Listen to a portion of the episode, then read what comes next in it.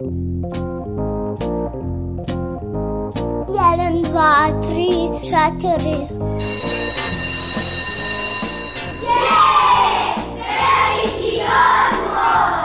Emisija o obrazovanju i vaspitanju. E, Kad neka vaspitačica kaže da je veliki odmor, onda nešto radite. Jedeš, treniraš, skačeš, julješ se, eto, i tako. Vi slušate veliki odmor. Veliki odmor.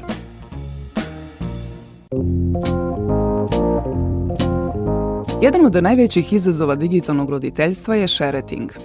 Uz značajnu upotrebu digitalnih tehnologija u skoro svim sferama života i takav izraz je pronašao svoje zasluženo mesto. Reč je o roditeljima koji imaju potrebu da u virtuelnom okruženju sa online prijateljima podele informacije i fotografije svog deteta. Ja sam Biljana Kuriš, a u velikom odmoru poslušajte o rizicima šeretinga. Prema članu 16 Konvencije Ujedinjenih nacija o pravima deteta, koja je obavezujuća za sve zemlje potpisnice, uključujući i Srbiju, izdvajamo. Nijedno dete neće biti izloženo proizvoljnom ili nezakonitom mešanju u njegovu privatnost, porodicu, dom ili prepisku, niti nezakonitim napadima na njegovu čast i ugled. I dete ima pravo na zakonsku zaštitu protiv takvog mešanja ili napada. U svom tekstu Šereting izazov digitalnog roditeljstva, docent na Institutu za psihologiju Univerziteta u Beogradu Dobrinka Kuzmanović, napominje i to da novi zakon u Francuskoj omogućava deci da kada odrastu, retroaktivno tuže svoje roditelje za kršenje prava na privatnost. Dakle, priča o šeretingu dalje vodi u priču o zaštiti dečijih prava u digitalnom okruženju.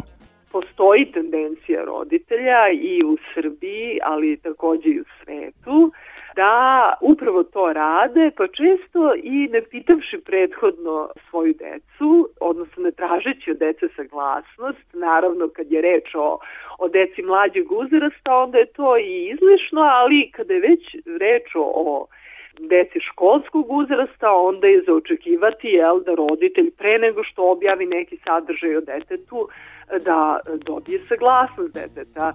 Mnoga deca poseduju digitalni identitet pre nego što izgovore prvu reč, naprave prve korake, nauče da sede na noši, mnogo pre nego što steknu mogućnost da postanu vlasnici ličnih profila i samostalno donose odluke, napominje moja sagovornica ja primećujem tendenciju roditelja mlađe dece. Recimo, postoje, evo kad pretražimo na Google, postoje ti roditeljski blogovi i vlogovi gde roditelji zapravo po mesecima prikazuju fotografije svoje dece jer na taj način nekako jel, promovišu pozitivnu roditeljsku praksu, jel, odnosno savjetuju drugim roditeljima kako, kako i šta da rade u odgajanju njihove dece, ali kažem to je zaista ponašanje koje može biti rizično i po samo dete, a i, i po roditelja. Predstavljanje sebe lepšim i boljim na nekoj od društvenih mreža je opet pokazatelj osobina ličnosti i reč je tvrde psiholozi o narcisima, kojima je broj lajkova važan.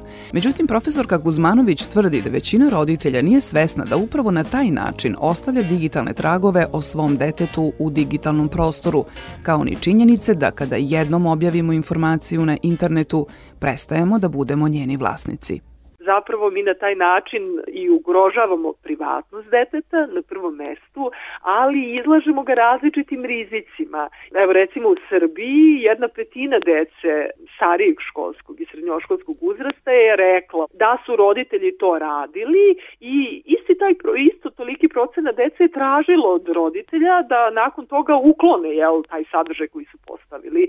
Ali eto, i u nekim drugim evropskim zemljama, recimo u Norveškoj, to je još učest učestalija pojava. Dakle, jako Srbija, barem po rezultatima ovog istraživanja, prednjači po nekim, pa moram da kažem, negativnim stvarima i ponašanjima na internetu u odnosu na druge evropske zemlje. Eto, konkretno, kada je reč o šerentingu, tu nismo, nismo najlošiji. Docentkinja na Institutu za psihologiju na Filozofskom fakultetu u Beogradu, Dobrinka Kuzmanović, koja je bila deo tima naše zemlje u međunarodnom istraživanju Deca Evrope i internet, napisala je tekst o šerentingu kao jednom od većih rizika na internetu. Tvrdi da roditelji i dalje više brinu zbog opasnosti sa kojima se deca mogu sresti u svakodnevnom okruženju nego u digitalnom okruženju. Ipak, dodaje profesorka, nije redkost da informacije postavljene na internetu upravo od strane roditelja budu zloupotrebljene od takozvanih internet predatora. Prema izveštaju Australijskog poverenika za bezbednost na internetu, skoro polovina fotografija objavljenih na web sajtovima pedofila prvobitno je naivno postavljena na lične profile, web sajtove ili blogove roditelja – Lični podaci deteta mogu zloupotrebljavati kradljivci identiteta, kriminalci, a deca kao najmlađi korisnici interneta nalaze se u centru stalno rastućeg tržišta ličnih podataka, ističe Dobrinka Kuzmanović. Slušate Veliki odmor.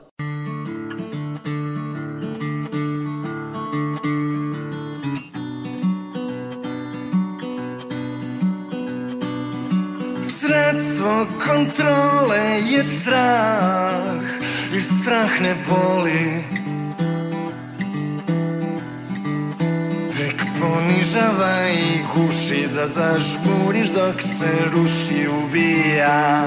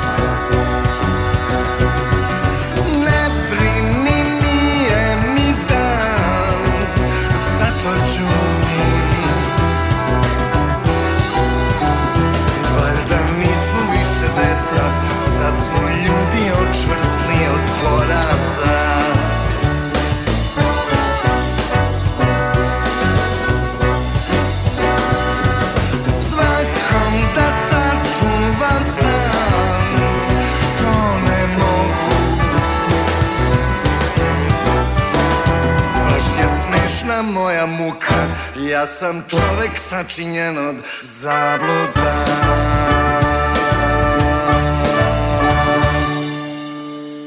Vi slušate Veliki odmar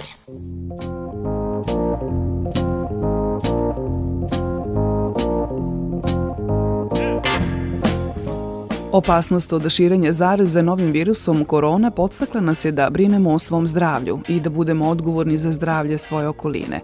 Ograničeno nam je kretanje, higijena ruku stavljena na zavidan nivo, a u komunikaciji neophodne su na maske i rukavice. Deca ne idu u školu i ne druže se sa vršnjacima. Strah od bolesti i ugrožavanje egzistencije dominantna su osjećanja u toku epidemije virusom korona. Kako deci preneti informacije u bolesti i koliko su one za njih značajne? O tome sam razgovarala sa psihologom osnovne škole Jovan Ristić u Beogradu, Biljanom Mihajlović. Kad su mala deca u pitanju, tu je bitna količina informacije i nekako bi fokus više trebalo da bude na ono konkretno, šta mi treba da radimo.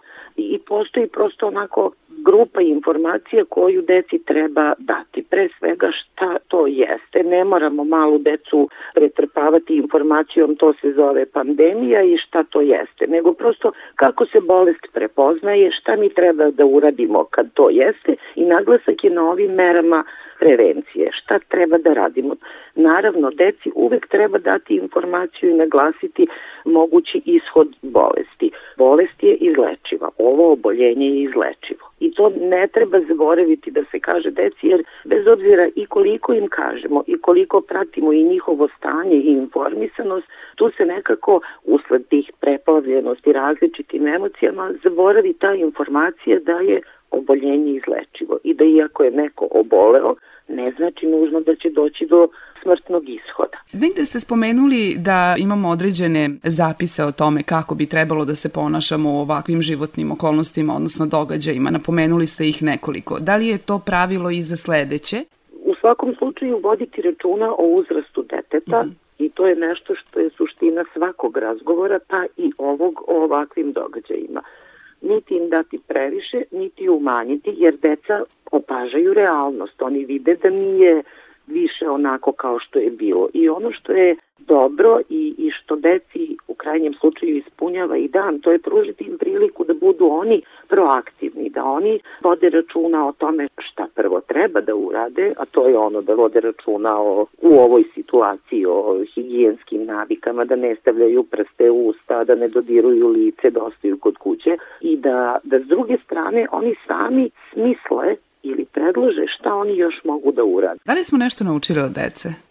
Dece smo mogli da naučimo ono što mi odrasli nekako zaboravimo usled svih naših briga i svega. Deca imaju taj, ajde tako kažem, stav, ako se tako može nazvati, da ukoliko ih nismo naravno mi zaplašili, da je ovo nešto što se desilo, što ćemo preživiti i što ćemo ići dalje. Hvala vam što ste govorili za veliki odmor Radio Novog Sada. Hvala vama, prijetno. Mi volimo veliki odmor. Slušali ste emisiju Veliki odmor Radio Novog Sada. Sledeće subote u istom terminu slušajte emisiju Kuća domaćinska.